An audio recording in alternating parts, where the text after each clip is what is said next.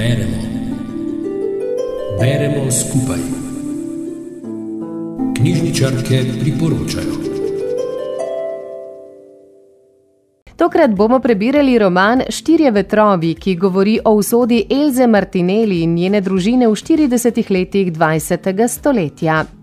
Elzo najprej spoznamo pri njenih 25 letih. Živi z očetom in materjo, vendar pogreša ljubezen z njune strani.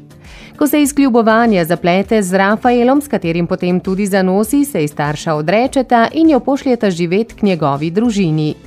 Tudi tam je najprej ne sprejmejo. Ker prihaja iz premožne družine in nikoli ni bilo treba delati, zdaj pa je prišla na kmetijo, kjer dela ne manjka.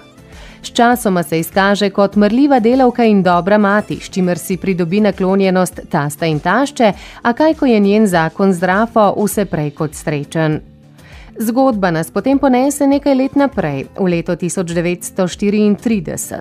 Na teksaškem podeželju že nekaj let ustraja suša. Za celotno Ameriko so težki časi, saj je pred petimi leti prišlo do zloma gospodarstva, sedaj pa trpi tudi kmetijska dejavnost. Nikjer ni dela, primankuje hrane, za nameček pa deželo pogosto prizadenejo tudi hudi peščeni viharji, zaradi katerih je zemlja še bolj opustošena, ljudje pa zbolevajo za pljučnico.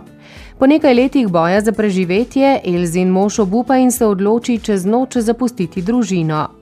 Za sabo pusti ženo z dvema otrokoma, starejšo Loredo in mlajšim Antonijem ter svoje starše. Neizprostne vremenske razmere čez nekaj let prisilijo tudi Elzo, da z otrokoma zapusti dom.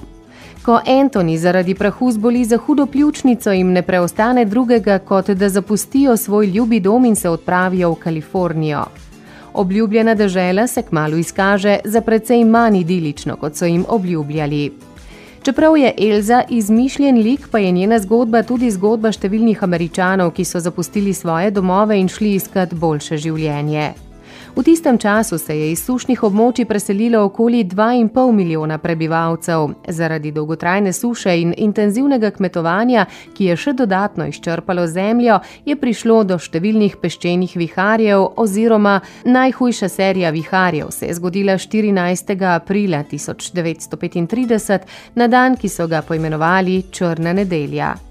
Takrat je divjalo 20 peščenih viharjev, zaradi prahu pa se je tako stemnilo, da ponekod niso videli niti 5 metrov pred seboj. Oblasti so skušale zajeziti okoljsko katastrofo z zasaditvijo več kot 200 milijonov dreves in spremembo obdelovanja kmetijskih površin.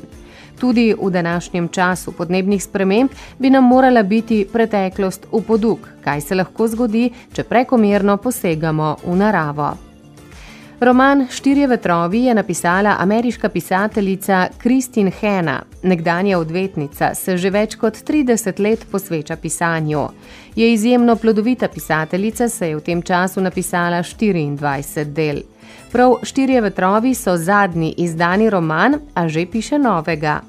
V Ameriki je išel leta 2021 in takoj postal velika uspešnica. Preveden je v več kot 30 jezikov, pri nas je roman izdala založba Učila. Sicer pa slovenski bravci že poznamo Kristin Hena, saj sta bili do sedaj prevedeni njeni uspešnici Slavček in moja Aljaska. Vabljeni k obisku knjižnice in naj vam v poletnih mesecih dela družbo tudi kakšna dobra knjiga, pravi Anja Koširiško filoške knjižnice Ivana Tavčarja, ki nam roman Štirje vetrovi danes priporoča v branje. Rubrika Beremo skupaj nastaja v sodelovanju z Radijem Sora.